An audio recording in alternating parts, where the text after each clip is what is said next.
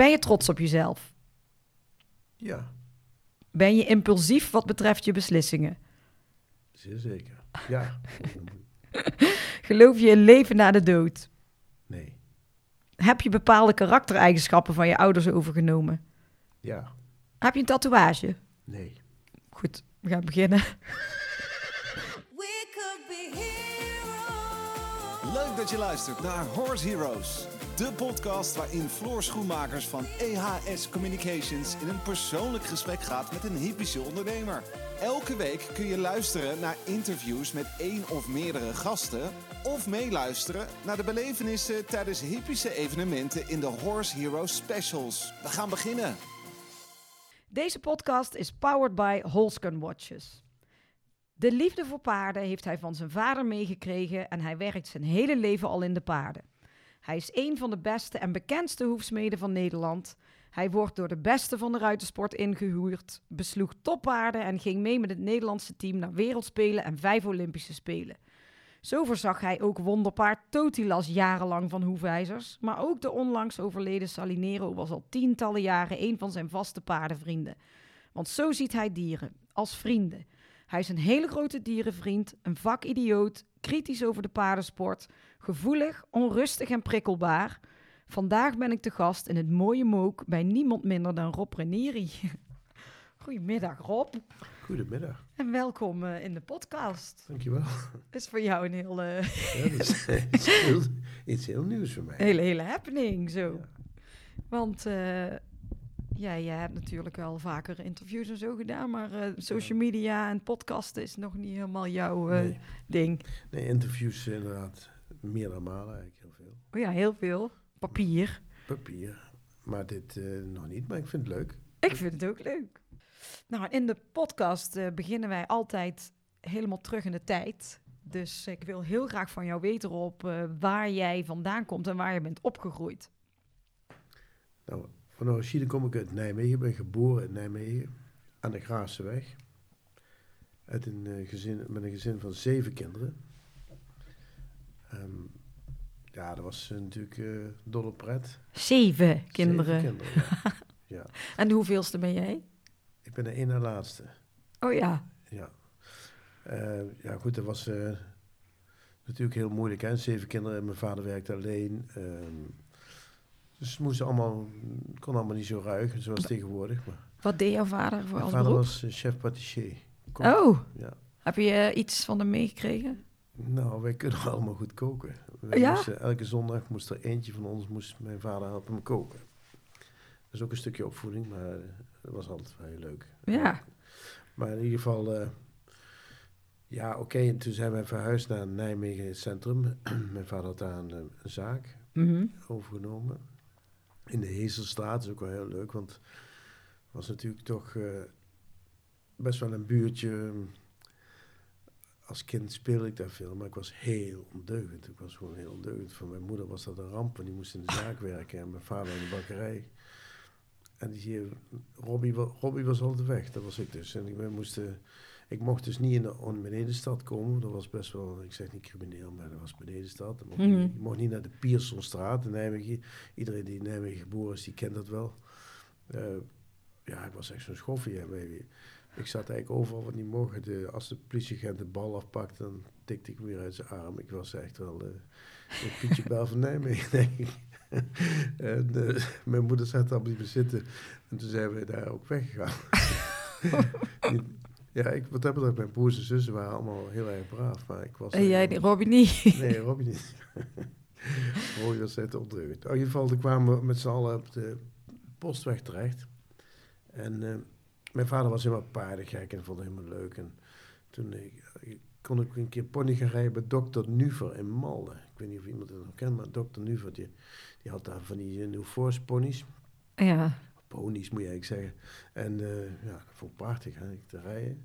De eerste keer ging ik naar Beest op rol. De foto prikkeldraad heen toen ik erop zat. In plaats van die janken, was riep ik... "Joehoe." Nog een keer. Helemaal geweldig. vond. Ja. En later, toen zagen ze dat toen ik mocht toen de ponies gaan inbreken. Bij bij eh dokter Nuvan, die kwam uit Engeland. En zo van het een kwam het ander. Met die wedstrijdjes gereden en weet ik veel. En, en toen ging het over op een groot paard. En naar... eh, Ton, Tony Jansen uit Bergendal. Ik weet niet, wat- dat is een manege geweest, Ton Jansen. En ja, die man heeft mij gewoon helemaal op de goede rit gezet. Ik reed natuurlijk al die wedstrijdjes. En mijn vader, die, eh, ik had een paard, dat heette Kos. Dat betekende eigenlijk koning onder het zadel, maar dat was een manegepeertje. Maar Ja. ja, ik won er eigenlijk elke keer mee en dat wilde mijn vader niet. Ik kreeg te veel babbels. En toen eh, zegt hij tegen Tony, weet je wat je doen? Nou, die jongens een keer een paard geven waar hij niet mee kan winnen. Want ik, eh, ik wil niet dat hij te arrogant wordt. Nou, Maar wat deed jij? Springen of dressuur? dressuur of- en springen. Allebei? Ja, en cross. Wel, Dat heette toen cross. Ja. Tegenwoordig is dat militair. Maar de- allebei, ja, alle drie eigenlijk, ja. Maar alleen, alleen van die zeven kinderen heb jij als enige iets met paarden? Of broers en Eén zussen? als enige. Als enige, de rest helemaal niet. En je- maar jouw vader, heeft hij zelf ook gereden dan? ja, of, eh? vroeger wel. Vroeger heeft hij gereden, maar dat was natuurlijk allemaal op die boerenpeerden. Ja. Want er, er was er geen sport. Hè. Je moet niet vergeten dat eh, toen mijn vader is in de mechanisatie groot geworden. Dus toen verdwenen ook de smeden. Daarom eh, is dat ook, heeft er geen gevolg gehad. En eh, hij vond het altijd een prachtig vak. heeft het nooit geweten. De man is overleden toen hij 57 was. En toen was ik nog ruiter. Toen eh, merkte ik eh, nog in de sport als, eh, als ruiter en trainer. Ja. Want ik trainde toen renpaarden toen hij is overleden. Komen we dadelijk. Ja. Want we waren nog bij Kos. Ja, we waren nog bij Kos. Dat jij, dat jij te arrogant deed. Dat jouw vader zei... Nou, eh, niet arrogant, maar ik won. Ik kreeg alleen maar oranje lintjes. Want dat was toen, hè. Je kreeg Ja. oranje lintjes en... en, en en jij vond het te makkelijk. Robbie. ja, Robbie was te makkelijk. Robbie moest een stout paard. Robbie moest eigenlijk een paard hebben waar hij niet mee kon winnen. Daar kwam het op neer. Maar in ieder geval, dat, eh, dat was niet simpel. Want er was, eh Val- ik geloof, Valentijn of zoiets. Ja. Dat is lang geleden, hè. Want ik ben inmiddels al iets ouder. Maar in ieder geval, nee, Fina- Financius. Financius heet die, ja. En dan was echt, als je dan sprong, en dan was in de winter gingen we naar Bemmel toe, met Ja. de manege, want het was te koud eh, in Berendal. En daar was een binnenbak. En als ik dan sprong, dan zat de hele tribune, hoi. zo staan de paard bijna, bijna stopte, maar kregen ze er toch overheen. En uiteindelijk werd, eh, werd het een team en won ik weer met, met zei ik, financiën. Ja. Dus dat was wel heel grappig. En, eh, dus ik ben niet, ik ben niet eh, in bescherming genomen. Ik moest altijd, mijn vader probeerde altijd het randje op te zoeken. En eh, ook wat ik deed. Ik moest gewoon altijd eh, iets goed doen of niet. Nee. Maar jij zat ook op school in die tijd. Ja, ik zat op de school in uh, MEO. En die moest ik dan ook afmaken. Ik ben natuurlijk begonnen in de broederschool, op de lagere school in de Hertogstraat. Ik weet niet wat dat zegt, maar dat was broederschool. Ja. Verschrikkelijk vond ik dat. En, maar toen moest ik natuurlijk een keuze maken. hè. Maar wa- waarom was het zo verschrikkelijk? Ja, er waren broederscholen, er was geen zak aan. En tegenwoordig de kinderen naar school gaan, die hebben van alles. Wij, wij, eh, wij moesten, ja, er was veel discipline, maar, maar mocht ook helemaal niks. En, nou ja, daar kwam Maar was het daar omdat Robbie stout was? Of moesten alle kinderen naar de broederschool? Nee, nee, ik denk ook wel dat ik, ja, ik, ik was niet altijd stout, maar ik was ondeugend. En dat ging eigenlijk wel goed. Dat was niet het punt, maar eh, het was godschuwelijk vervelend. Het duurde allemaal zo lang. Ja, en dan je huiswerk natuurlijk eh, later. En, maar in ieder geval, toen heb ik een keuze gemaakt. Was helemaal nieuw naar de MAO. Eh, middelbaar economisch administratief onderwijs was dat. En toen dacht ik van na twee jaar, ik vind het wel goed. Maar dat was vierjarige opleiding. En mijn vader zei, je kunt doen wat je wil. Je mag best naar Duitsland, maar je maakt eerst die opleiding af. Want jij reed toen ook nog naast dat Ja, je op school reed. zat, reed je elke dag reed je Ja. paarden. Ja, ik spijbelde ook ontzettend veel op de ponyclub. En Van de, in die tijd, dan ging ik naar de, naar de ponies in plaats van naar school. Maar het is allemaal goed gekomen. Ik heb alles gehaald, ben nooit blijven zitten. Maar eh, ja, dat moet je, misschien is dat wel een beetje de rode draad in mijn leven. Want eh, dat ondeugend is eigenlijk altijd een beetje gebleven. en nee, dat kan niet waar zijn.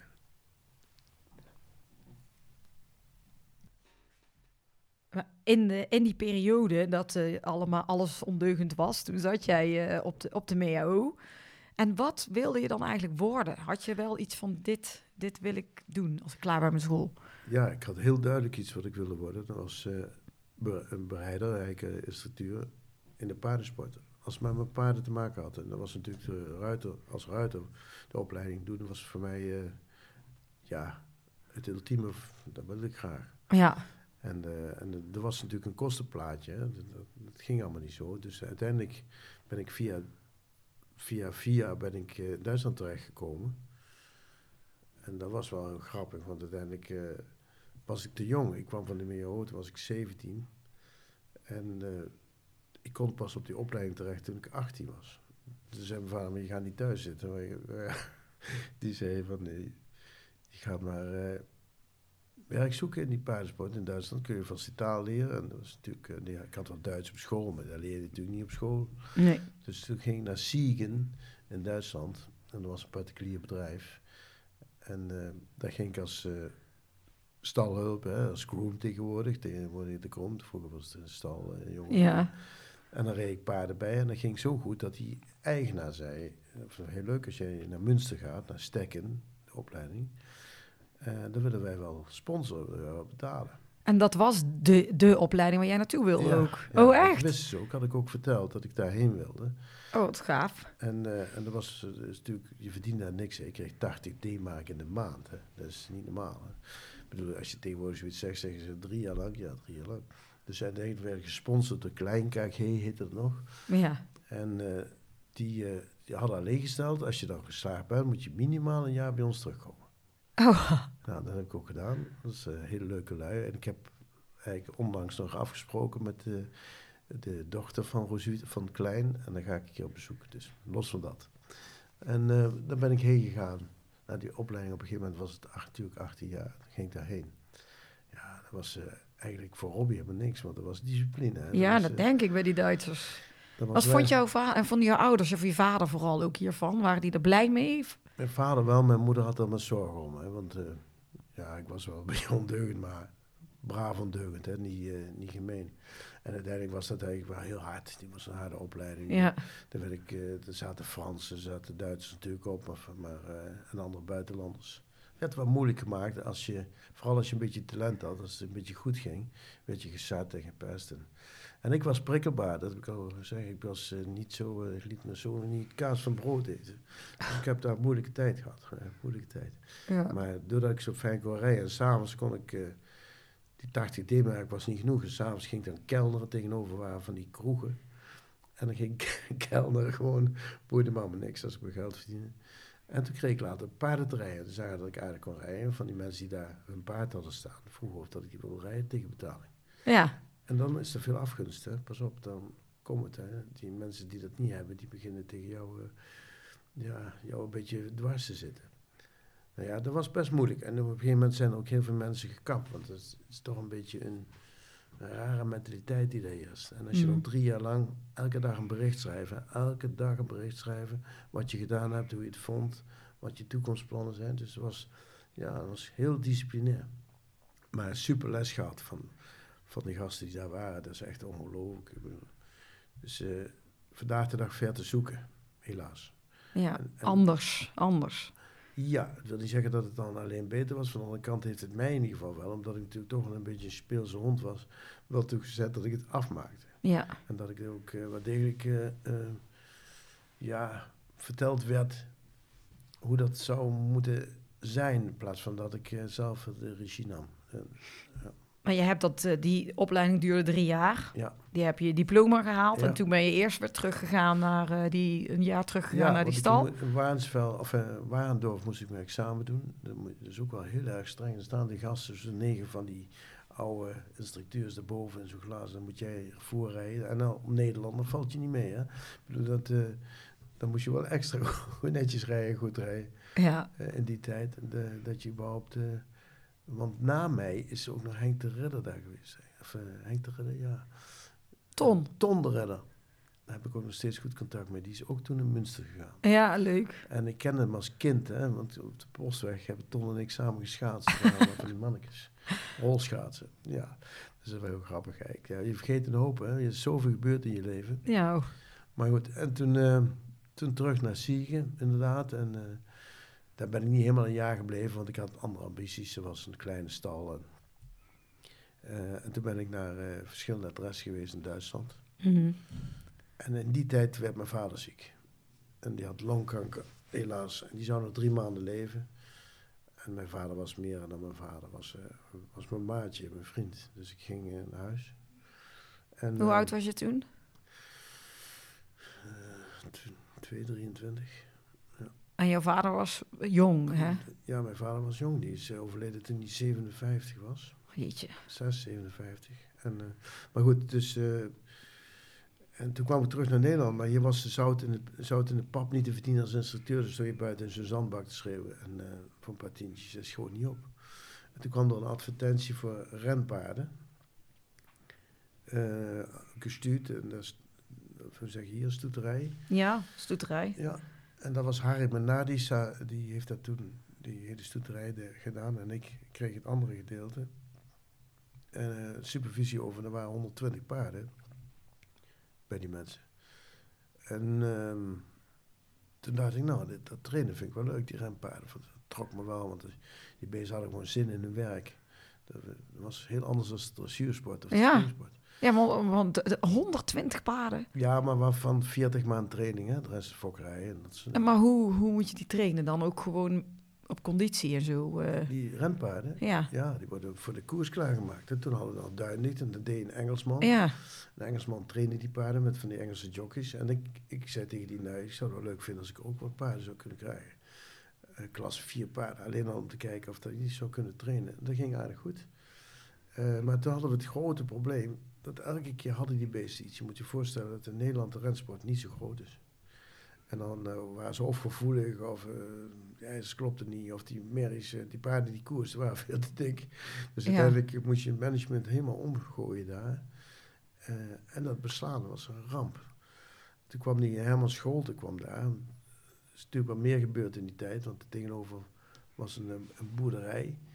En daar leerde ik mijn toenmalige vriendin, of toenmalige een, een, een, een meisje kennen, Rian, dat was een boer, echt zo'n boerin. Schat van de meid. En die, eh, ja, die kon me daar een beetje in de buurt eh, als het ware eh, rondleiden. En, en, en kreeg iets meer vat op, op andere bedrijven ook. Mhm. Dus toen, eh, maar die rensport trok me toch wel meer. Ik had er toch wel iets mee. En waar, waar was die stal? Waar was dat met die stoeterij? Wees, Wezenpe bij Deventer. Oh ja, Weesp. En waar woonde jij dan? Onder in het kasteel. J- jullie, je woonde daar ook ja, toen? Ik woonde onder ja. ja, ik had het goed voor elkaar, moet ik eerst zeggen. Ja. En, morgens zaten de pauwen voor je raam. Dat is prachtig. En ik kon ook heel goed met die mensen. Ik heb daar een tijdje gezeten. Ik weet ook allemaal niet precies meer de data's, want daar ben ik niet op voorbereid. Nee, maar ja, dat ge- dat geeft niks. Maar eh, in ieder geval, van daaruit ben ik toch weer naar Duitsland vertrokken. Want ja, in Nederland is het best moeilijk geld verdienen in de paardensport. En dan praten we niet over vandaag, maar in die tijd wel. En toen ben ik weer als, eh, als ruiter aan de gang gegaan. En zei ik dat helemaal goed. Ja, maar dat hoefsmeden liet mij niet los. Dus toen ben ik met Herman Scholte, die toen bij het Nuik besloeg, gevraagd had dat ik bij hem niet mocht stage lopen. En dan moet je je voorstellen, dan woonde ik nog met mijn vader op de postweg, eh, postweg ja, Nijmegen. Ja. En die was inmiddels overleden, dus ik woonde daar met moeder. En eh, toen mocht ik dan bij Herman stage lopen, maar ik had geen auto of niks. Dus ging ik op de bromfiets helemaal naar Halle. Dus helemaal naar Halle tegenwoordig zit ze allemaal te zeuren of dat ze zaterdags moeten werken. Maar ik ging gewoon een brommetje naar Halle. Dan zat je gewoon 2,5, 3 uur op de bromfiets voordat je daar was. Ja. En dan s'avonds weer terug. Maar eh, ja, dat werd toch een passie. Dat hele beslaan werd, werd een heel ander verhaal. Ik heb natuurlijk de contact met die paarden. Het rijden ging eigenlijk allemaal achterop. Ik heb zelf nog wat paarden gehad. Maar daar is geen tijd meer voor. Ik moest gewoon aan de gang.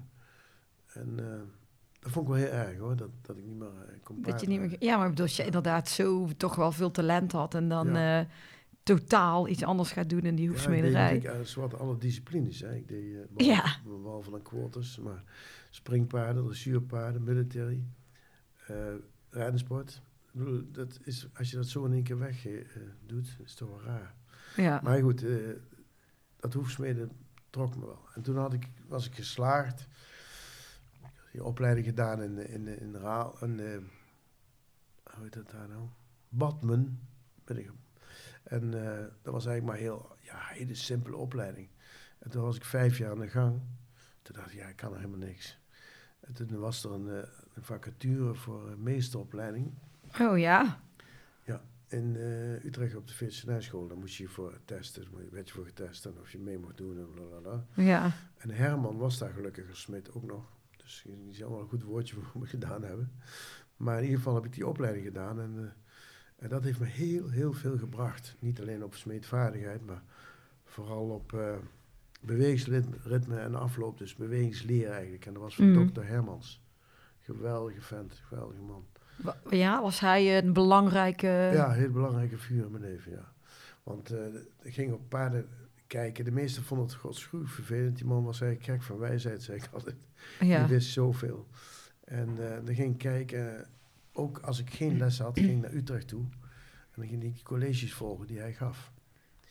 En daar heb ik zoveel van geleerd. Nou, Maar moet je kijken, als jij dit nu vertelt, dat je eigenlijk vroeger op school zat en helemaal niet naartoe wilde, spijbelen, spijbelen, Ja. spijbelen. En nu ga je naar school terwijl je niet eens les had, Nee. omdat je dit zo mooi Ja, vond. maar het is de interesse die je mensen wil hebben. Hè? Ja, Kijk, als, je, als je denkt van ik moet dit, of je zegt van ik wil dit, dat is toch een heel ander verhaal. ja, En dat ik, wil, wil, wil, ik, ik, ik leer nog steeds. Als je weet wat ik nog steeds aan het, eh, aan het leren ben en bijscholen ben in mijn vak, terwijl ik eh 71 ben nu, dus uiteindelijk, eh, ja, het houdt niet op. En dat was met mijn vader precies hetzelfde. Die man die was ook altijd met zijn vak bezig. ja. De appel valt niet ver van de boom. De- de karaktertrekken lagen ook heel kort bij elkaar. Kijk, en eh, in ieder geval, toen had ik, ben ik dus verder gegaan als, eh, in die meesteropleiding. En dat ging super. En toen eh, had, even kijken, de boer. Want als je teruggaat over hoe kom je in die dressuursport. Want eh, ik weet niet of je dat daar hebt staan of dat je daar iets hebt staan. Ja dat- dat- ik ben dingen aan het lezen bij mijn aantekeningenbriefje, maar ik, ik ben nog niet bij het stukje van de Ik dressuur. wil zeggen, nee, dat is goed. Nou, ja, zover. eh, het mooie was natuurlijk wel als ik eh terugga in die tijd bij die rensport en bij dat beslaan. Ja, Dan zie je dus heel duidelijk een, eh, een complete switch in, in hoe ik mijn leven wil invullen. En daarbij kun je zeggen, nou, kijk, die rode draad van het ondeugend zijn, ja, die is wel gebleven. En was dan eerder in, in eh, dat ik eigenlijk altijd bezig was met eh, gezellige dingen. Ik vond iedereen leuk. Ik vond, eh, alleen ik kwam me niet binden. Dat heb ik nooit gedaan. Ik kwam me niet zo gauw binden. Dus of het nou een vriendin was of een stal of weet ik veel. Ik, het liefste, wat ik graag deed, ik had zo'n Austin Mini en als het ergens niet meer leuk was, dan gooide ik de koffer achterin en dan was ik weer naar een andere stal. Om, en niet, niet alleen om, maar ook om mensen te leren kennen, om ervaring op te doen en te kijken hoe het eh, bij een ander kijken in de keuken. ja, En dat werd ook wel gepromoot door mijn vader, moet ik je zeggen. Alleen die weet dat niet meer. Hè. Dit soort dingen weet hij niet dat meer. heeft hij niet mee, Maar nee. Vroeger wel. Hij zei altijd, altijd zorgen dat je dat wat je doet, dat je goed doet. En, hoor, dat was misschien ook wel leuk om te vertellen, want voordat, toen ik in Duitsland als bereider leerde, maakten mijn broers en zussen allemaal zorgen om Robbie. Hè. Maar Robbie, daar kwam niks van terecht. En die was ergens in Duitsland, die had nog geen vriendin, die had geen eh, huisje, die had geen, eh, weet ik veel. En toen zei mijn vader altijd van, eh Robbie doet iets wat hij leuk vindt, hem altijd goed. En in feite is dat zo gebleven. Ja, Want hoeksmeden vind ik leuk. En dat is natuurlijk meer als het alleen het ijzertje ondermaken. Daar komt heel veel bij kijken. maar jij weet wel, want ik, ik weet een naam van Jan de Valk. Jan, ja. Dat dat eh, was wel iemand wat jouw vader, eh, die jouw vader heel Ja, bijzonder vond, toch? ja. Het is wel leuk dat je die informatie hebt, want ik vergeet, je vergeet van alles. Maar Jan de Valk was natuurlijk, eh, we hebben het toevallig van de week nog over gehad met Toy Merks. Die is ook in Nijmegen geboren. Dat is ook wel een mooie figuur. En die, Jan de Valk, die zat aan de Waalkade. En wij woonden natuurlijk, daar mocht ik niet komen. Hè. Dat was allemaal eh, van mijn moeder, had ik je verteld. eh. Ja, in dat verhaaltje.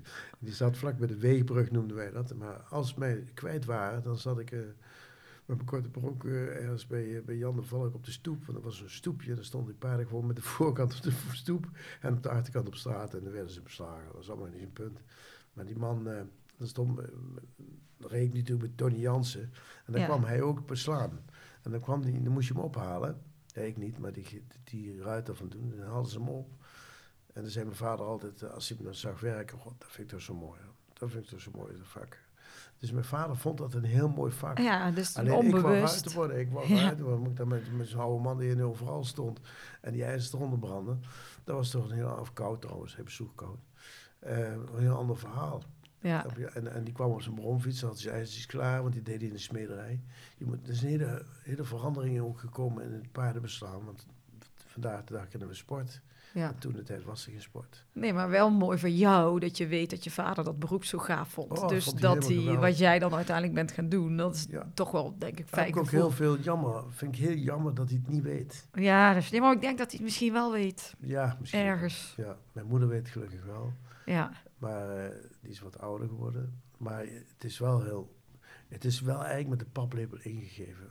Ja, Hij heeft daar gewoon voor gezorgd. weet ja tuurlijk. Ja. Zo loopt dat dan, als je dan achteraf eh, terugkijkt. Ja, ja. Ehm, nou ja, jij was, eh, hebt toen die, de, die meesteropleiding gevolgd, hè, wat je zei. Je bent ook heel veel gaan kijken bij, bij trainingen, bij cursussen, bij de lessen die hij gaf. Omdat je gewoon wilde zien hoe hij te werk ging en eh, hoe hij met paarden omging. Hè? Want dat was voor, voor jou een andere manier dan, eh, dan anderen, denk ik. Want wat was er zo bijzonder aan hem? Je praat nu over die, die arts. Nee, eh, over dokter Hermans. Ja, dokter Hermans, ja, hij was wel heel gevaarlijk onder een paard, die man, want hij had zoveel vertrouwen in een paard. Dat was een heel klein mannetje en tilde in één keer zo'n been op. En, maar die paarden hadden zo'n vertrouwen, dat vond ik zo apart in die man. Ja. Er gebeurde gewoon helemaal niks. Die, eh, die ging er zo natuurlijk mee om. Als hij bijvoorbeeld op bord eh, een paar benen tekende, zag je dat paard draven. Een paar van die schetsen, hop, hop, hop, hop, en dan zag je hem draven. En dan vertelde hij eh, natuurlijk aan, aan die groep hoefsmeden. Ja, die vonden het helemaal niet meer interessant, want uiteindelijk ging het om, dat is een paard beslaan, het ijzer. En hij zei altijd, je moet geen je, niet die voeten niet beslaan, je moet het hele paard beslaan. Ja. En, en je moet daar naar kijken, dat paard praat, communiceert met jou. En eh ik begon allemaal te lachen, maar ik vond het zo interessant, want daar geloof ik in. Ja. Kijk, het heeft ook een beetje te maken met de interesse natuurlijk die je hebt. En dat heb ik nog. Hè. Ik ben helemaal gek van die beesten. Ik vind het ook verschrikkelijk wat, eh, eh, als ze dat eh, op een bepaalde manier doen. Ik probeer daar ook echt wel een, een, een, een ommekeer te maken. Bij elke lezing zeg ik het, dat, ze, dat wij eigenlijk een soort eh, ambassadeur moeten zijn eh, van de hoefsmeden. Dat je ook eh, naar dingen kijkt die niet kunnen. ja. Maar goed, eh zijn ze allemaal bang om een, om een klant kwijt te raken. Ik heb dat nooit gedaan. Daar, heb ik wel heel st- daar blijf ik nog heel stellig in trouwens. Maar eh, van die man, ja, dat was, was heel bijzonder. Ik had die niet willen missen, laat ik het maar zo zeggen. Nee. En die was eigenlijk los van de opleiding, want die gaf ons een paar keer les. Maar intussen had ik natuurlijk al heel veel van hem opgestoken. En dan zei hij in het colloquium, zei hij, kijk, daar zit een smidje weer. ja, en dat, eh, ja, als ik daar terugdenk, dan eh, is dat gewoon een heel boek geweest. Wat die man mij geleerd Ja. heeft. Ja. Maar toen heb je, je eh, die, die opleiding gehaald. Ja. En toen woonde je toen nog steeds in Deventer? Ehm, even kijken. Ach nee. Nee, want dan woon ik op de postweg in Nijmegen. Ja. En ja, bij mijn moeder. Dat is lang geleden hoor. Ben Ja. Nou ja, maar dat acht- is ook, je moet nou iedere keer terugdenken. Hoe Ja. zat het ook alweer? Ja, want jij, ging, 48 jaar aan het timmeren. Hè? maar jij bent toen je de opleiding deed terug gaan wonen bij je moeder. Ja. ja, toen ik die deed. En daarna ben ik, eh, ben ik gewoon eh, gaan werken natuurlijk. Hè. Toen ben ik ook gestart. Want ik weet nog goed, toen slaagde ik de eerste opleiding, zeg maar. De eerste. En toen was eh, Jan de Valk. Die eh, had zijn klantenkring overgedaan aan Benny Arts, een smid hier in Nijmegen. En toen belde mijn moeder op. Goh, Benny Arts krijgt de hele klantenkring. Ik zeg, ja man, die hoef ik helemaal niet. Want uiteindelijk wil ik gewoon nieuw beginnen. En ik hoef geen eh, klantenkring. Want dan ben je ook, ja, zit je ook aan prijzen, zit je aan alles vast. Mhm. Dus dat was een dingetje. Dus ik ben thuis wel begonnen, ja, dat klopt. De eerste opleiding. En de meesteropleiding was ik ook nog in Nijmegen. Toen dat allemaal klaar was, ben ik weer ben ik gaan, eh, begonnen eigenlijk als, eh, in de sport, in de grote sport. En ben je toen ook verhuisd in die periode? Nee, want ik woonde heel lang met mijn moeder. Ik heb zelfs dat huis overgenomen. Mijn moeder is toen kleiner gaan wonen. En ik heb dat huis toegekocht.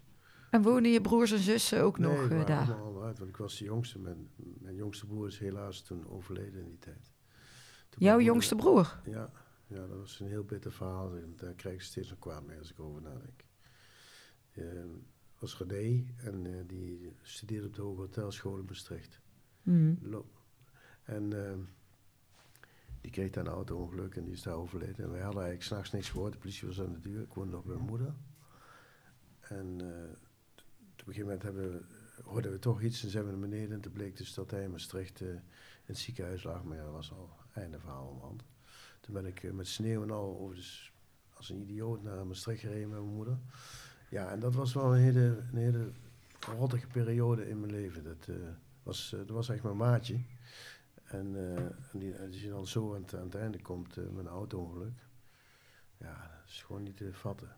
Nee. En die was 25. Wel, eh, en eerst, eh, eerst mijn vader, dan mijn jongste broer. Dat, dat was vlak achter elkaar. Ja, ja. En eh, twee, jaar, twee jaar, drie jaar tussen. Dus dat was allemaal voor mijn moeder ook. Dus niks ergens als een kind verliezen. Nou, Dus, eh, nou ja, goed. eh, los van dat, en die was ook wel een, een, eh, eentje die hartstikke leuk vond dat ik dit vak deed. En we deden samen ook dingen.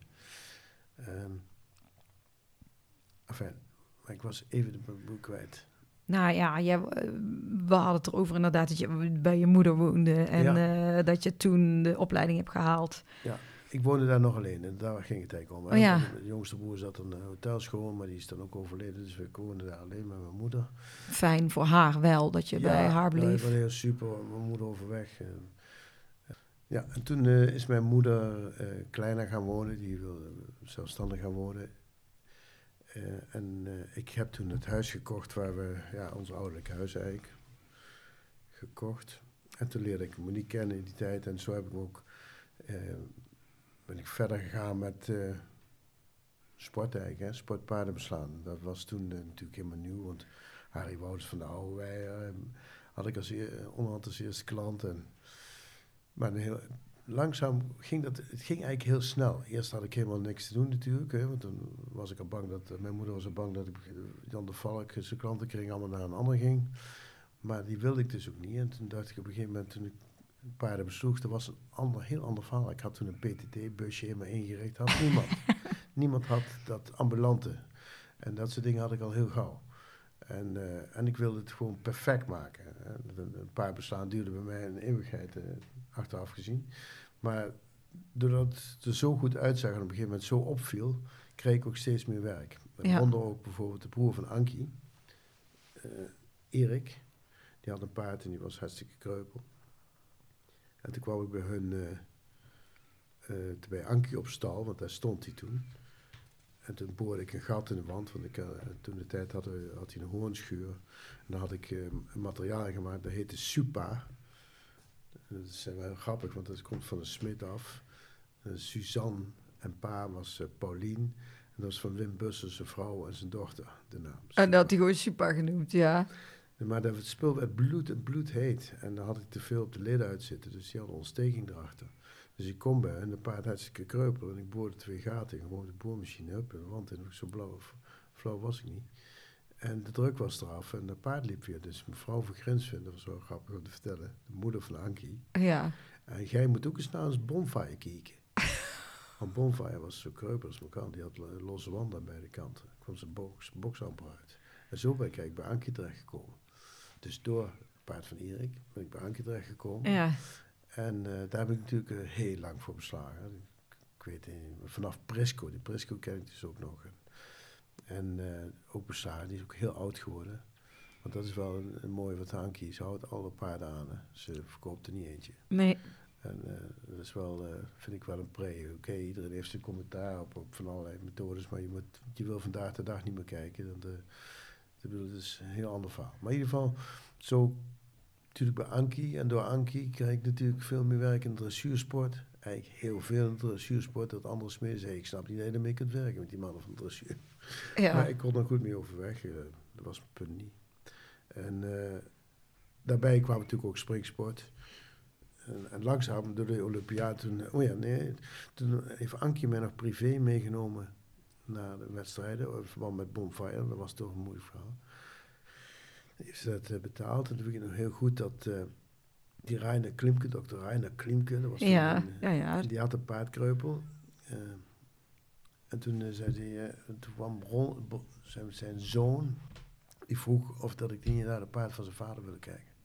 Ja, ik zeg, spijt me geweldig, maar dan zul je Ankie moeten vragen, want die heeft mij meegenomen. Ik, ik, ik kan slechts zeggen, ik ga nou de paard van jullie opknappen terwijl zij het eh, betaalt. Ja, En eh, toen zijn ze naar Ankie toegegaan. En Ankie zei, ja, natuurlijk helpen. En eh, chef, chef, het antwoord zou ik maar liever niet geven. Wat hij zei.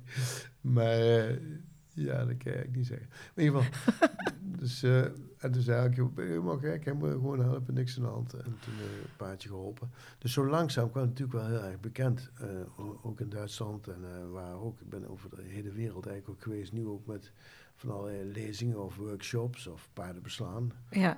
Eén paardje naar Brazilië vliegen. Dus het is eigenlijk wel een heel raar verhaal. Als je mijn verhaal zou opschrijven, dan denk je, wat is dit, wat is dit? En dan een jongensboek. En uiteindelijk was dat ook zo. En dat is het eh, eigenlijk nog steeds, als ik wel wil. Maar ja, je wil niet meer zoveel qua werk. Ik doe er nog wel een hoop. In ieder geval, dat verhaal vanaf, vanaf die, die sporten, dat was best wel moeilijk. Hè? Want je moet niet vergeten, dat ik ben helemaal gestopt ook een keer. Omdat ik financieel er niet van rond kon komen. En ik denk dat dat... Maar als je even, weet je nog hoe oud je was toen je klaar was met die opleiding? Toen je bij je moeder woonde als en... eh, bereider of als... als nee, als, zes- als smid. Ja. Ongeveer. Want toen ben je natuurlijk, je zegt, ik ben, je bent bij Ankie begonnen. Ja, zo rond de 25, even kijken. 3, 25, nee, nee, de meesteropleiding heb ik gedaan in 1986. En Ja. ik ben begonnen als smid in, bij Herman als 75, in 1975.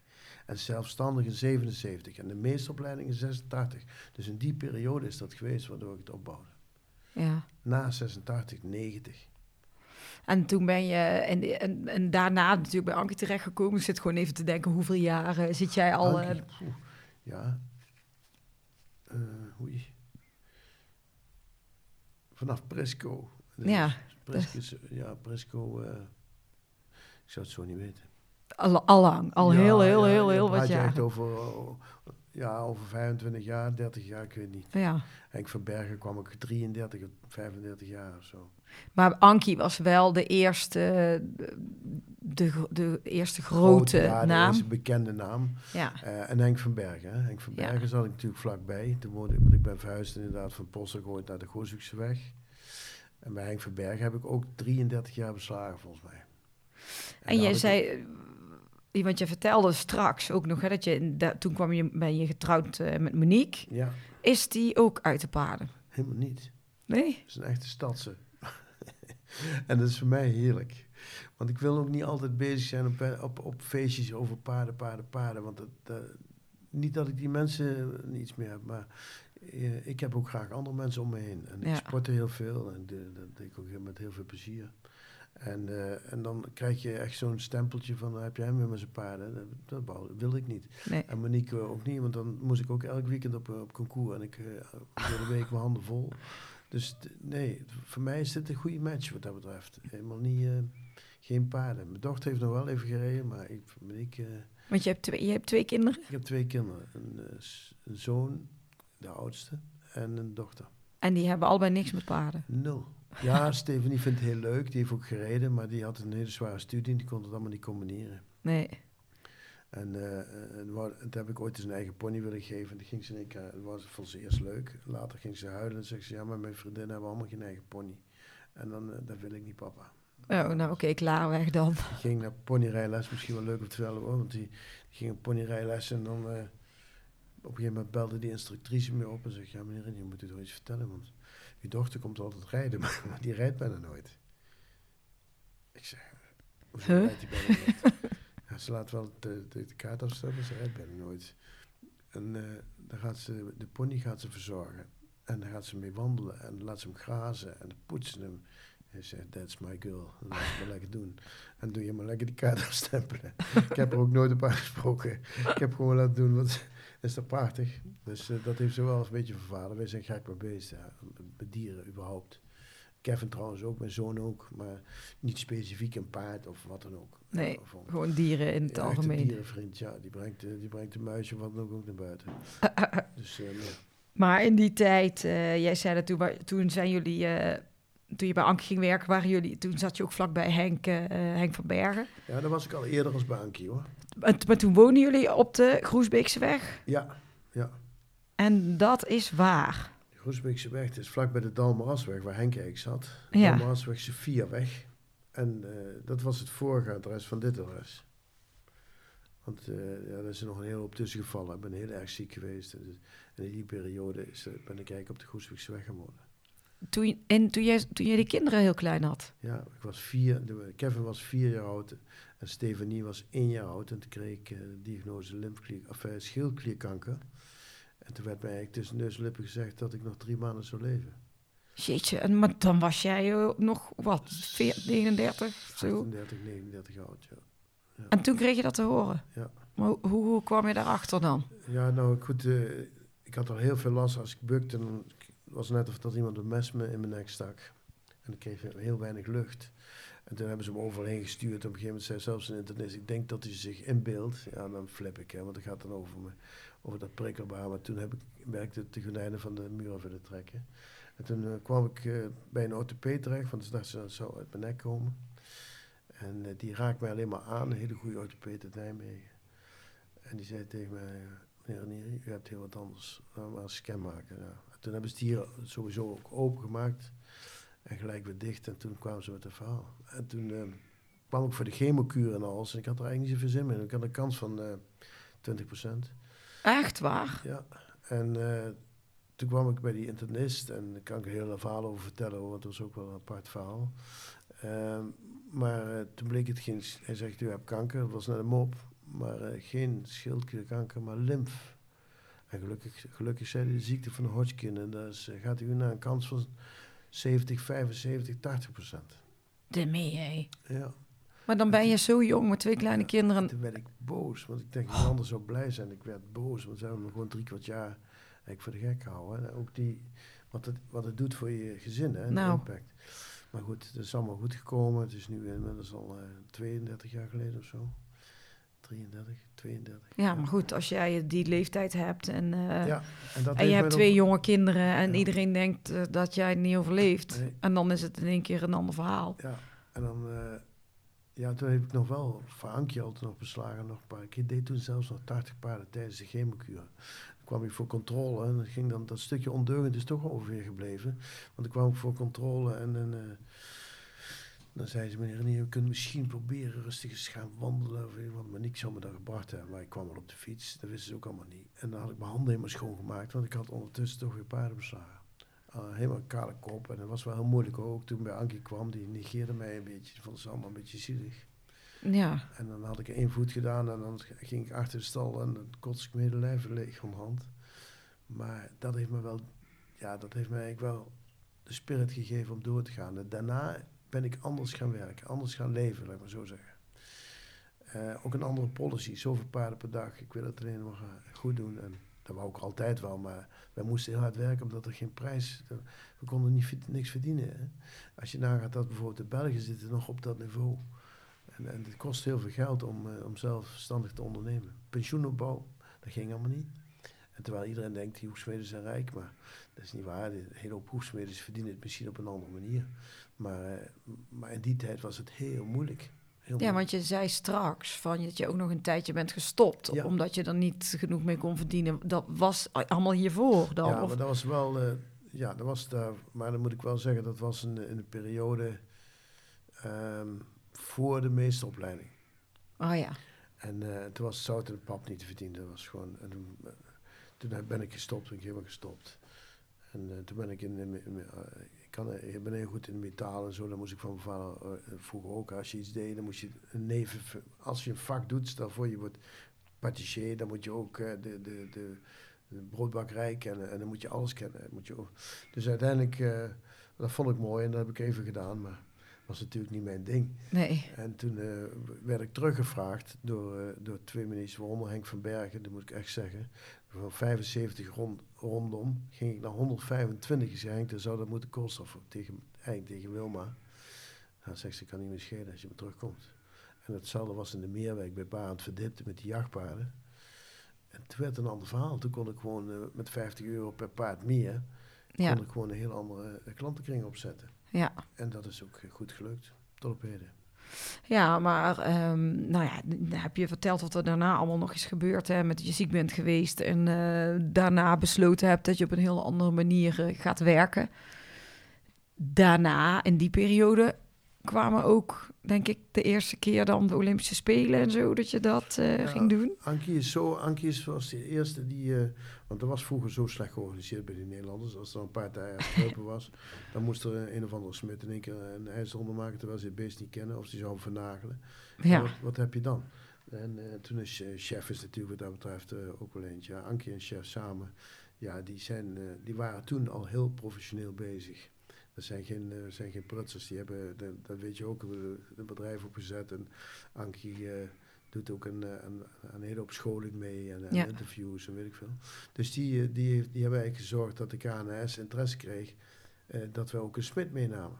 en zodoende ben ik eh, als Olympiasmid meegegaan. Ja. Hoe heb je dat ervaren? In het begin bijzonder, bijzonder. De, de mooiste Olympiade was voor mij nog altijd Sydney, maar ik bedoel, de, de Olympiade op zich, je leert zoveel mensen kennen, je ziet zoveel aan paarden, je ziet ook zoveel aan verschillende beslagen. Dus je leert, leert alleen maar. En, eh, en daarbij heb je ook heel veel plezier, als het goed gaat natuurlijk. En Ja. in die tijd dat ik meeging, ging het altijd goed. ja. wat heeft Ankie niet alleen gewonnen, maar ook eh Adelinde Cornelis en noem ze maar op. Ik bedoel, ja, en, eh, Jeroen Dubbeldam bijvoorbeeld, dat is natuurlijk voor mij ook een groot succes. Paard was daar kreupel en die heb ik daar opgeknapt. Ja. En die kon meedoen, die wint ook nog goud. Ja, dat is een jongensboek. En dat, is- dat zijn, ja, ik vond het heel leuk om te doen. Snap ik. Maar ook wel eens heel, heel, duurde het soms wel heel lang. China was voor mij veel te lang. En, eh, en eh, ja, ook niet zo'n mooie Olympiade. Maar Sydney, Sydney was de Olympiade. Ik denk niet dat dat ooit nog voorkomt. Hoe, dat, eh, hoe die sfeer en alles. Sfeer, organisatie, mensen, Ja. sport. Het was natuurlijk goed georganiseerd. Ehm, en tegenwoordig gaat het allemaal om, eh, veel om managers die weinig, weinig feeling hebben met de paardensport. En dat is eh, een heel ander verhaal. Dat wordt ook steeds moeilijker. Heeft jouw moeder eh, dat wel meegemaakt? Een aantal. ja, zeker. die zou wel Ja. lekker trots zijn Ja, geweest. ik heb het hele huis op mijn verkleding liggen volgens mij. Van allerlei Olympiades. Misschien wordt het ooit nog een keer een hot item. Ja.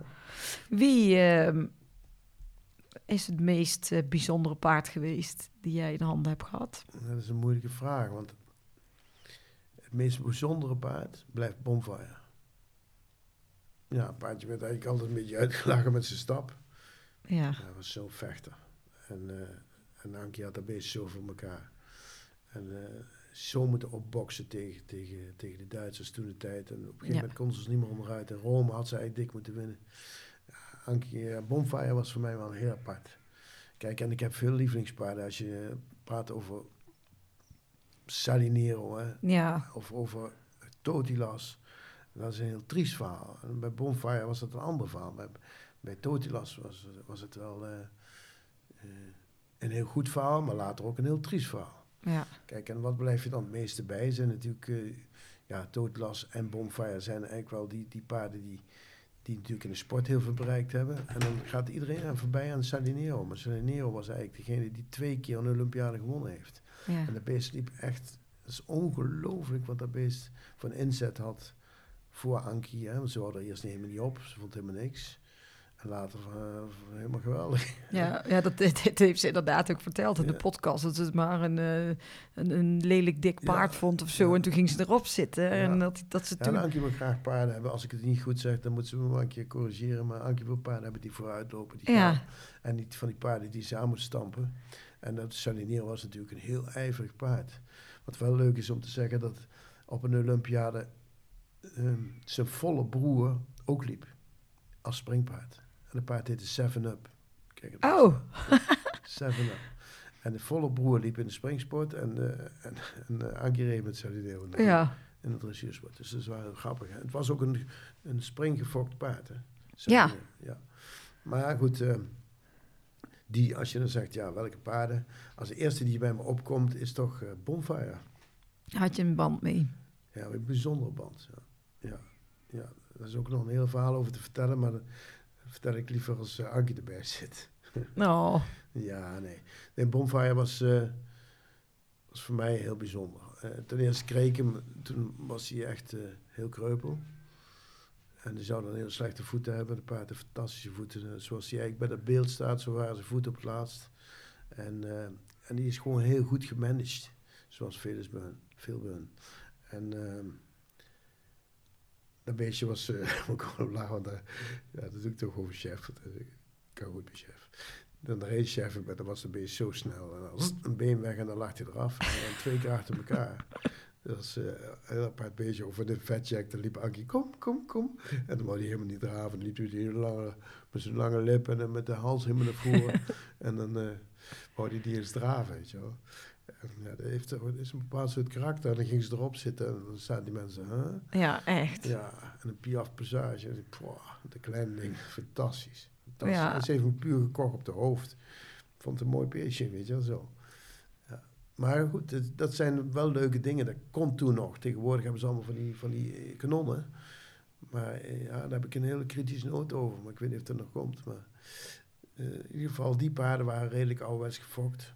En, eh, en er zat ook nog heel veel eh, power in. eh, in die zin dat ze niet eh, altijd eh, behandeld hoefden te worden. Het is gewoon, dat is gewoon een goede training en een goede opleiding. En misschien, Ik wil jouw kritische noot nu al weten.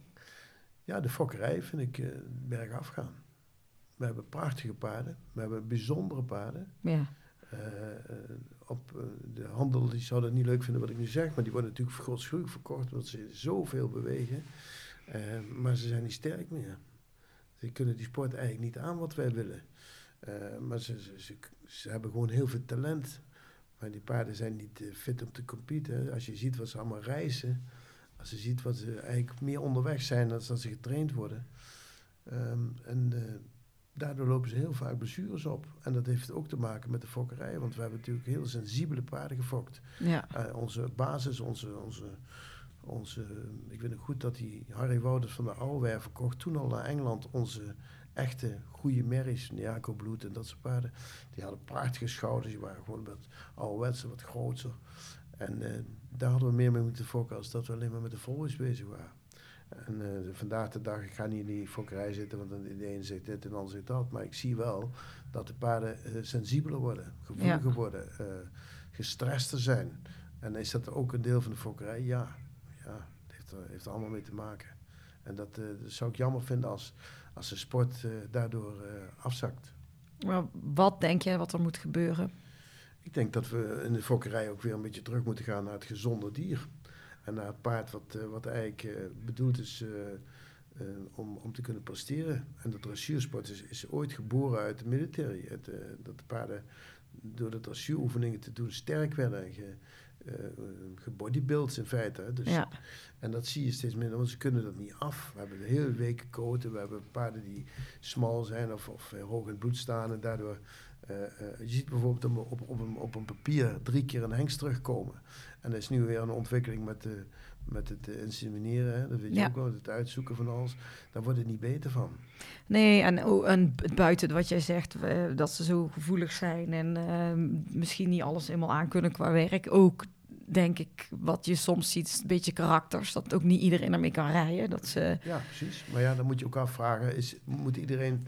Kijk, niet iedereen hoeft te kunnen rijden zoals... eh, zoals eh, ik besla bijvoorbeeld ook in Duitsland voor, voor, eh, voor Wendel. ja, en dat doe ik al elf jaar.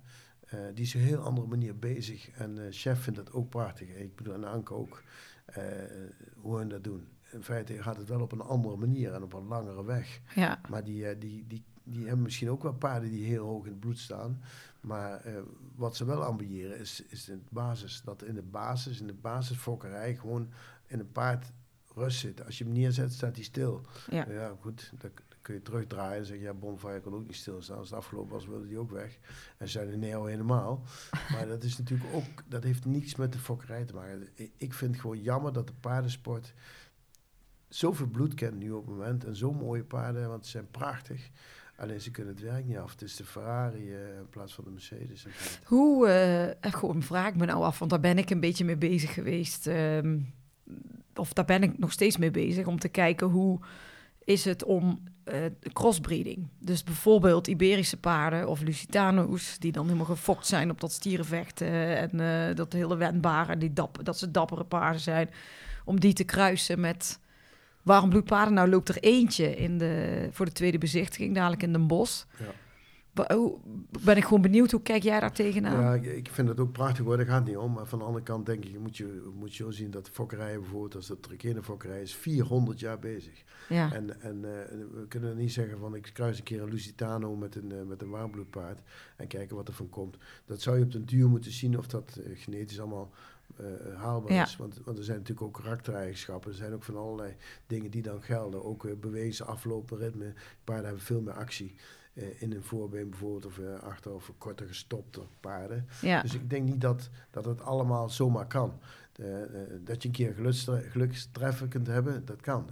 Totilas was eigenlijk ook een heel barok paard. Als je die zo zag staan vroeger, voordat uh, Edward getraind had, dan zou je zeggen, joh, eh, niks bijzonders. Maar doordat hij trainingseigenschappen, eh, eh, tenminste die methodes heeft gekregen, en, en eh, die is super gemanaged, hè, laten we dat eerlijk zeggen, ehm, dan zie je een heel ander paard komen. Maar het zomaar kruisen, of tenminste, ik kan me voorstellen, wij hebben een goed warmbloedpaard. We hadden onze merries, we hadden eigenlijk onze fokkerij is ons, onze fokkerij. En in feite kun je wel gaan kruisen, maar dan moet je, dan moet je kijken wat de beste eigenschappen bij elkaar Ja, zijn. ja, ja, maar dat doen ze. Dat zijn ze nu ook al vier jaar aan het doen. Maar het gaat Ja. er een beetje om ook dat stukje inteelt. eh, ja, ook te doorbreken, Ja, zeg maar. Ja, maar ja, goed, dat inteelten zie je ook. In Nederland heb je heel veel inteelten. Ja. natuurlijk, Doordat al die hengsten gebruikt worden die mensen interessant vinden. En, eh, en eh, eh, dan kun je zeggen... Ik, ik zou het wel interessant vinden. Ik heb het niet gevolgd. Maar ik zou het wel interessant vinden om te kijken of dat, dat, of dat het in, eh, bijvoorbeeld in België en Nederland... die Belgische sport kruisen met Nederlands sport... ja, Daar is ook wel een heel dingetje. Alleen hoe consequent doen ze dat? En is het dan niet allemaal een commercie? Is het dan niet een hoop geld wat eerder speelt? Als dat je dat heel consciëntieus doet. ja. Nou ja, we gaan het, we gaan het weer allemaal zien. Eén onderdeel van de podcast is ook altijd eh, de muziek.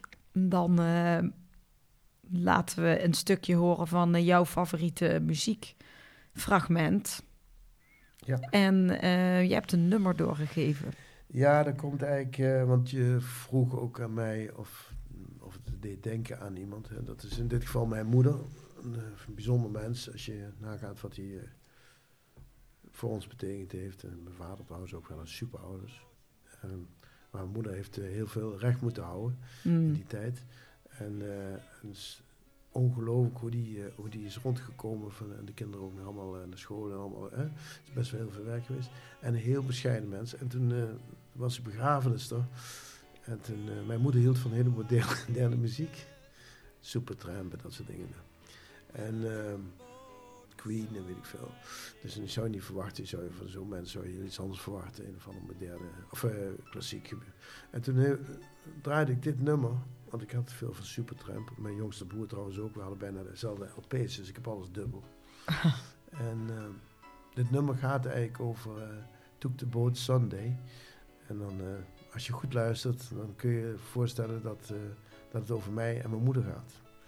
En eh, als ik eraan denk, krijg ja, ik ben niet gauw even geëmotioneerd, maar ja, word ik wel een beetje trillerig van. Ik had, als ik het weer zo op de radio in één hoor, denk ik, joh, ja.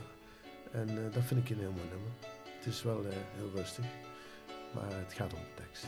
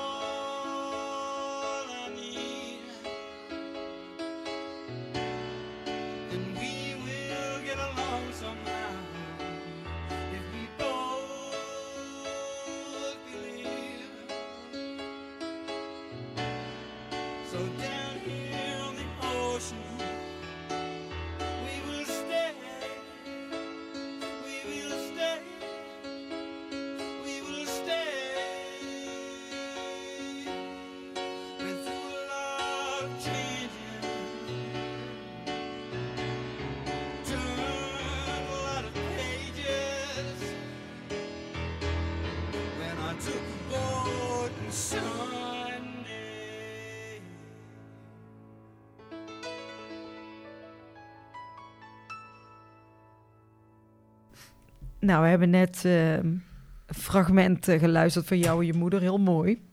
En ehm, als jij, ehm, je hebt net wat verteld hè, van de, die paarden, Totilas, Salinero, eh, Bonfire, die paarden die je allemaal hebt ontmoet. En eh, de, Olympische Spelen en zo, overal waar je bent geweest.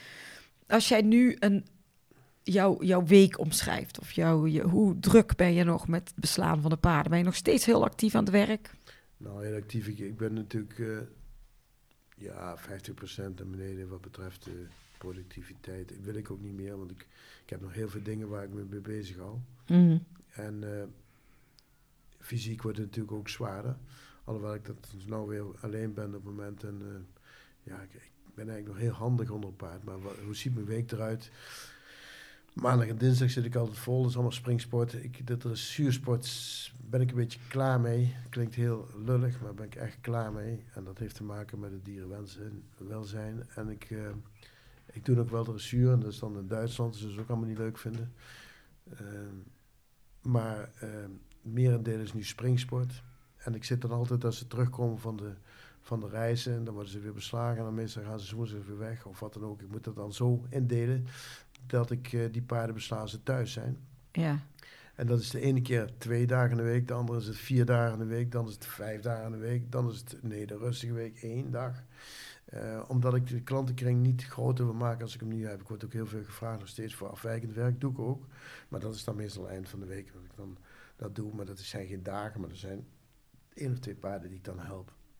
ja, want je bent echt altijd actief geweest eh, als smid. En je vertelde wel toen jij eh, toen je rond je veertigste ziek bent geweest, dat Ja. je daarna anders bent gaan, Ja. gaan leven. Eh, hoe, hoe heb je dat gedaan? Ja, in aantal natuurlijk een stuk minder. Wij moesten vroeger natuurlijk veel meer paarden beslaan om aan de kost te komen. Ja, Ik heb toen mogen kunnen uitzoeken, want ik, ik vond niet zo belangrijk eh, wat ik verdiende. Ik vond het belangrijk of ik het kon volhouden. Hm. En daarbij wordt het natuurlijk, dat betekent wel, als ik er minder ga doen, dat er misschien een andere prijsstelling moet komen om überhaupt rond te kunnen komen.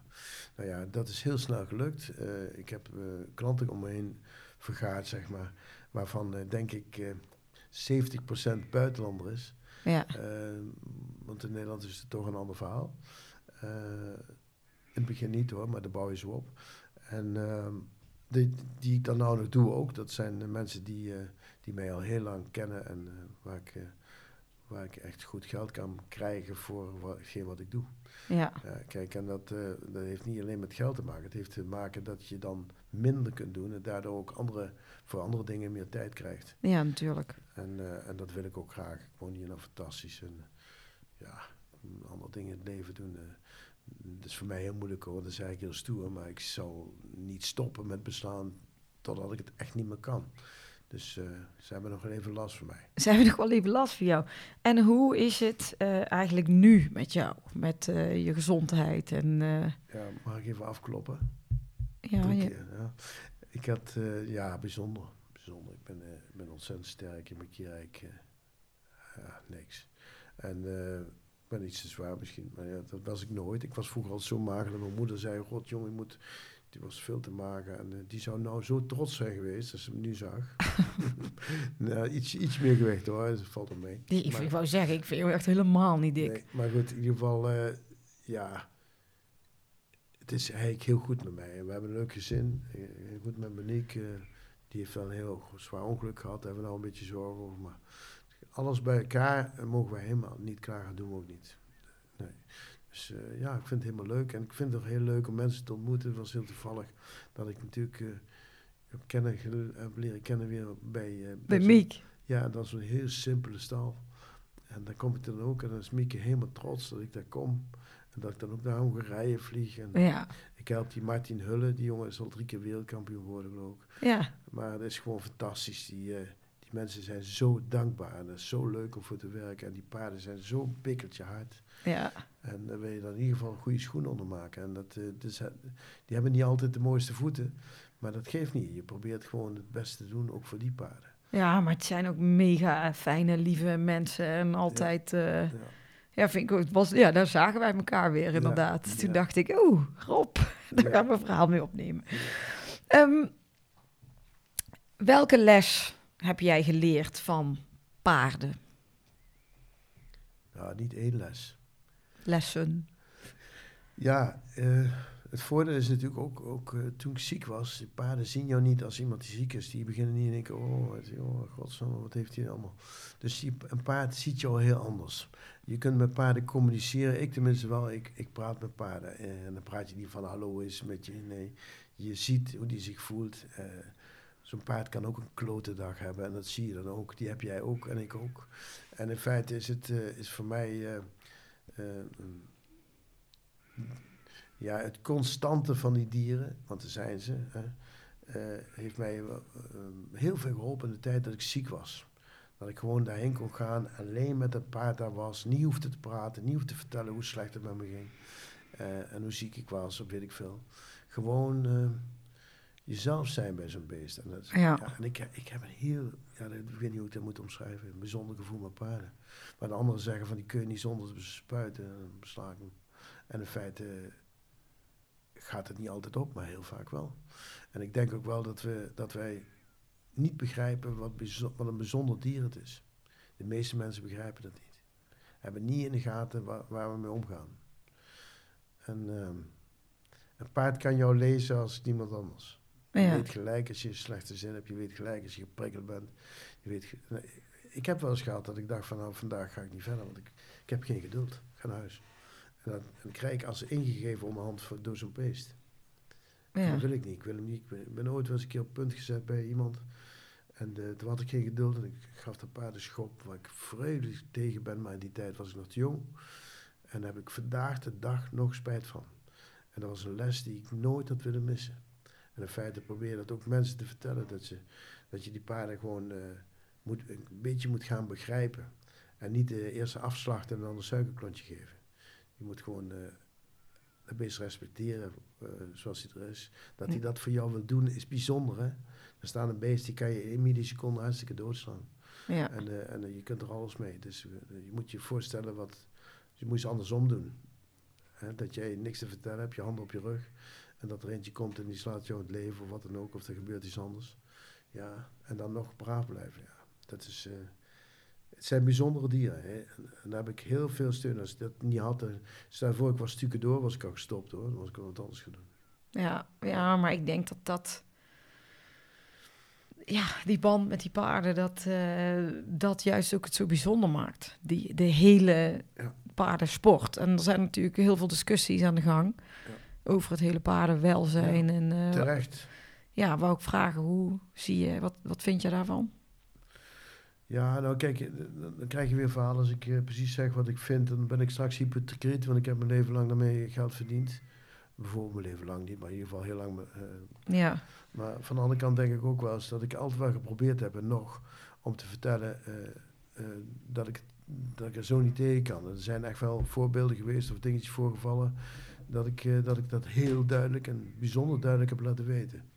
En eh, dat doe ik ook nog steeds bij lezingen of wat dan ook. Ik vertel ook altijd over het paardenwelzijn. ja, En eh, ik, ik vind dat de dressuursport in Nederland die moet echt een, eh, een upgrade krijgen. Die moet op een gegeven moment ook eens snappen wat ze allemaal aan het doen zijn. En dat wil niet zeggen dat ik nou moet zeggen het is allemaal verschrikkelijk, maar er zijn heel veel dingen die niet kunnen. En, en dat sluipt er langzaam in. Het wordt ook een beetje ingegeven door bepaalde buitenlandse landen. En dan denk ik van, eh, als we dat willen zien met z'n allen, dat elektrische dressuursport, dan gaat het mis. Dan, eh, dan wordt het een keer verboden. En daar heb ik me zorgen om. ja. Snap je? En, eh, en het is maar heel klein, want als ik dat ga, ga uitdikken, dan gaan we nou niet doen. Maar ik wil, dat is ook één ding waar ik mee bezig ga. Ik wil wel bijvoorbeeld in de fokkerij misschien eens een keer wat vertellen dat we op een andere route moeten gaan staan. Of in ieder geval een andere richting om moeten kijken. Eh, dat we gewoon een sterk paard fokken. eh, wat toch zijn elan en toch zijn kwaliteit kent. Maar als je bijvoorbeeld zegt van eh, eh, de trainingsmethode, geef een paard de tijd. We hebben vroeg en laat in de rensport, kennen we vroeg en late paarden. En de dressuursport niet, die, die worden maar klaargestoomd. En, en hoe, sneller ze, hoe sneller ze van alles kunnen, hoe beter ze verkocht worden. Maar als de jury, juryleden dat nog steeds gaan punten, en dat, en dat wordt minder, hè, want dan zie je aan zo'n meisje Wendel, eh, dat ze toch die, die puntjes nu krijgt. ja. En dat ze toch heel constant eh, beoordeeld wordt. Dan denk ik ook dat er een ommekeer aankomt. Maar dan moeten die mensen ook wel meegaan. Dan moet eh, ook Nederland moet daarin meegaan. En, en of het kritisch is, sorry, dat eh, zal het wel zo zijn. Maar ik denk dat we op een andere manier om moeten gaan met de dressuursport. Ja. Nou ja, daar zijn ze nu natuurlijk ook allerlei onderzoeken en wetenschappelijke verhalen aan het maken ook, hè? Dus het jeugd- moet ook wel. Ja, maar de jeugd ziet ook hoe de Ja. ouderen rijden. En die gaan Ja. het ook doen. Hè. Ik kan niet naar zo'n ponyconcourtje meer kijken hoor. En dan Nee, denk ik van, eh, dat, dat wil je zo niet. En het is natuurlijk ook wel eens geweest in, in andere tijden. Alleen we moeten ervoor zorgen dat, eh, dat de paardensport eh, blijft bestaan. En zie ik dat heel zwart-wit? Nou, ik zie het wel, ik zie het wel grijs in. Als je er niks aan doet, dan, dan gaat het een keer eh, sowieso olympisch of wat dan ook verdwijnen. ja. ja, goed, dat is natuurlijk een beetje wat, wat nu ook zo spannend is, wat er allemaal gaat gebeuren. Maar ik weet wel dat er een heleboel eh, onderzoeken en dingen lopen, ook met wat het, wat het welzijn het onderzoeken is. Dus hopelijk gaat het ook, eh, ja, dat is ook, ook zo. veranderen. Ja, het moet niet zijn dat je nou in één keer op alle zakken zout legt natuurlijk. Krijg je dat, eh, in Duitsland hebben ze natuurlijk ook zo'n beweging die over achter alles aan Ja. zit. Maar, maar, maar eh, dat we kritisch moeten blijven. Ja, dat we daar iets wat kan wel doen. en wat kan niet en waarom kan Ja. het wel of waarom kan het niet. Ja. Je kunt dat niet meer verdoezelen. Hè? Dat, bedoel, je, moet, het- je moet het heel reëel gaan bekijken. En iedereen die daarmee te maken heeft, die vindt dit onzin wat we nu zeggen. Snap je wat ik bedoel? Want die hebben hun eigen paardensport, die moeten ervan eten en doe maar. Maar als ze goed nadenken, moet het ook continuïteit blijven. Dat- Nou ja, en kan. het is het stukje social media en media überhaupt wat eh, Ja, ja. veel kan doen. Hè? Iedereen heeft voortaan een cameraatje bij en Ja. je weet hoe snel lelijke foto's gemaakt zijn, hoe dat weer rondgepost wordt. dat, En, eh, Daar was eigenlijk een voorbeeld van. Ja. En, bedoel, en het, eh, is dat terecht? Ja, van de ene kant wel. Aan de andere kant zijn er natuurlijk ook altijd mensen die, als je een keer een fotootje maakt, kun je altijd wel een keer een heel lelijke foto maken. ja. En dat is ook geen- is niet reëel. We moeten ook niet gaan zeggen dat dat is daar gebeurd op een concourtje of wat dan ook. Het gaat erover dat iedereen moet kunnen zeggen van luister, ik, ik doe dat beest niet zo groot geweld en ik train hem in plaats van dat ik hem abuse. En als ze, als ze gewoon zorgen voor een goede training en een goede fit to compete, want is het, als paarden niet fit zijn, als jij zelf niet fit bent en je gaat morgen een marathon lopen, dan ga je niet redden. Nee. En in feite gaan ze dat met een paard wel doen. Hè. Als hij heel veel talent heeft, dan wordt hij gereden. Kijk eens, hij kan nu al. Ja, oh, bizar. Maar hij is er eigenlijk niet klaar voor. Hij gaat daar al stuk. Snap je? En, de- als, je als je hem goed sterk maakt en je zorgt dat je een goed product hebt die dat af kan, dan blijft de paardensport er heel lang. En dan is het ook om aan te gluren. Hè. Dan wordt het weer mooi. Ja. Ja. ja, en jij hebt natuurlijk heel veel jaren al eh, heel veel gezien. Dus eh, Ja. ja, ik, ik weet waar je, waar je over praat.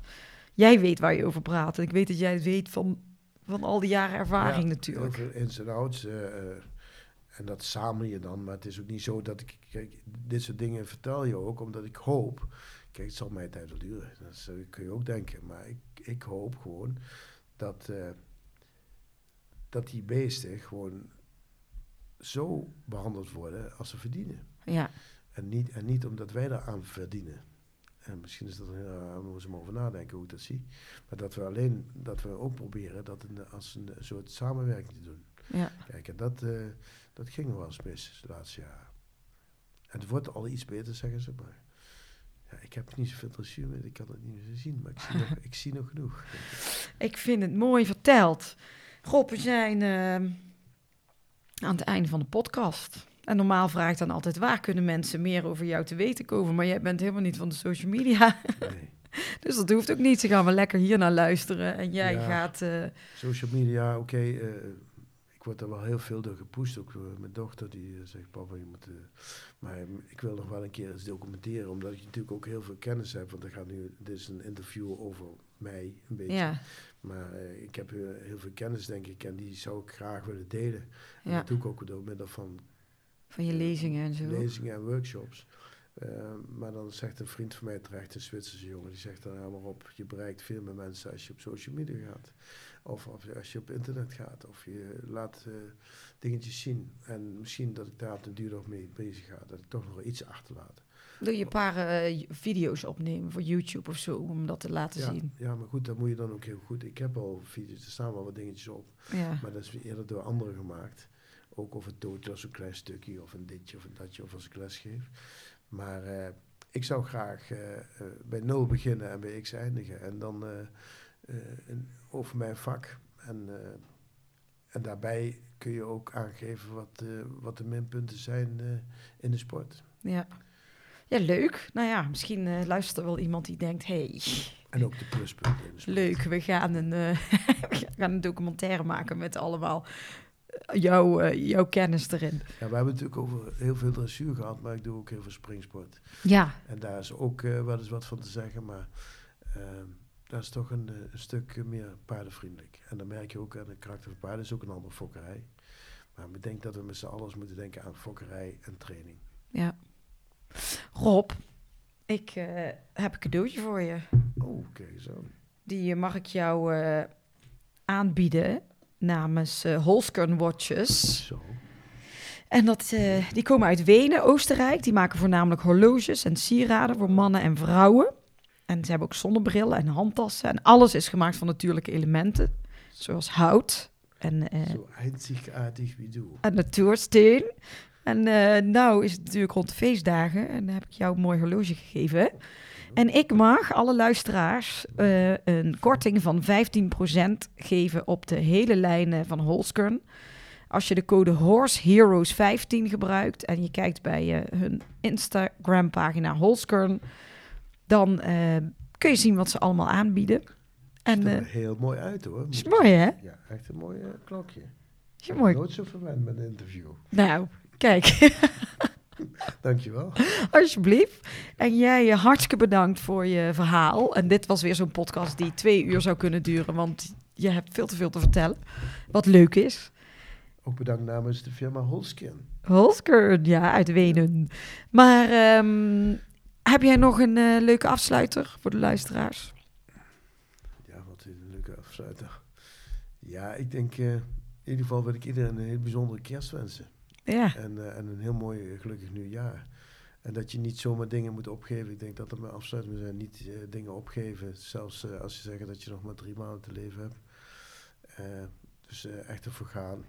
En, en niet te denken van het zal wel. Of gauw opgeven is eigenlijk niet van toepassing in een hele hoop dingen. nee. Het kan natuurlijk niet altijd, maar een beetje levensmoed houden. Gezellig zijn voor anderen. En, eh, en niet alleen aan jezelf denken. Ik vind het een goede afsluiter van eh, 2022. Jij bent eh, mijn laatste gast van dit jaar. Zo. En eh, iedereen eh, aan de andere kant van, eh, van dit verhaal, super bedankt voor het, voor het luisteren. Weer het hele jaar. En ehm, wij zijn weer terug in 2023. Ik wens jullie ook allemaal super fijne feestdagen. En een gelukkig en gezond en gezellig eh, jaarwisseling. En Rob, wij zien elkaar eh, vast en zeker weer in het nieuwe jaar. Bedankt voor het luisteren en tot volgend jaar.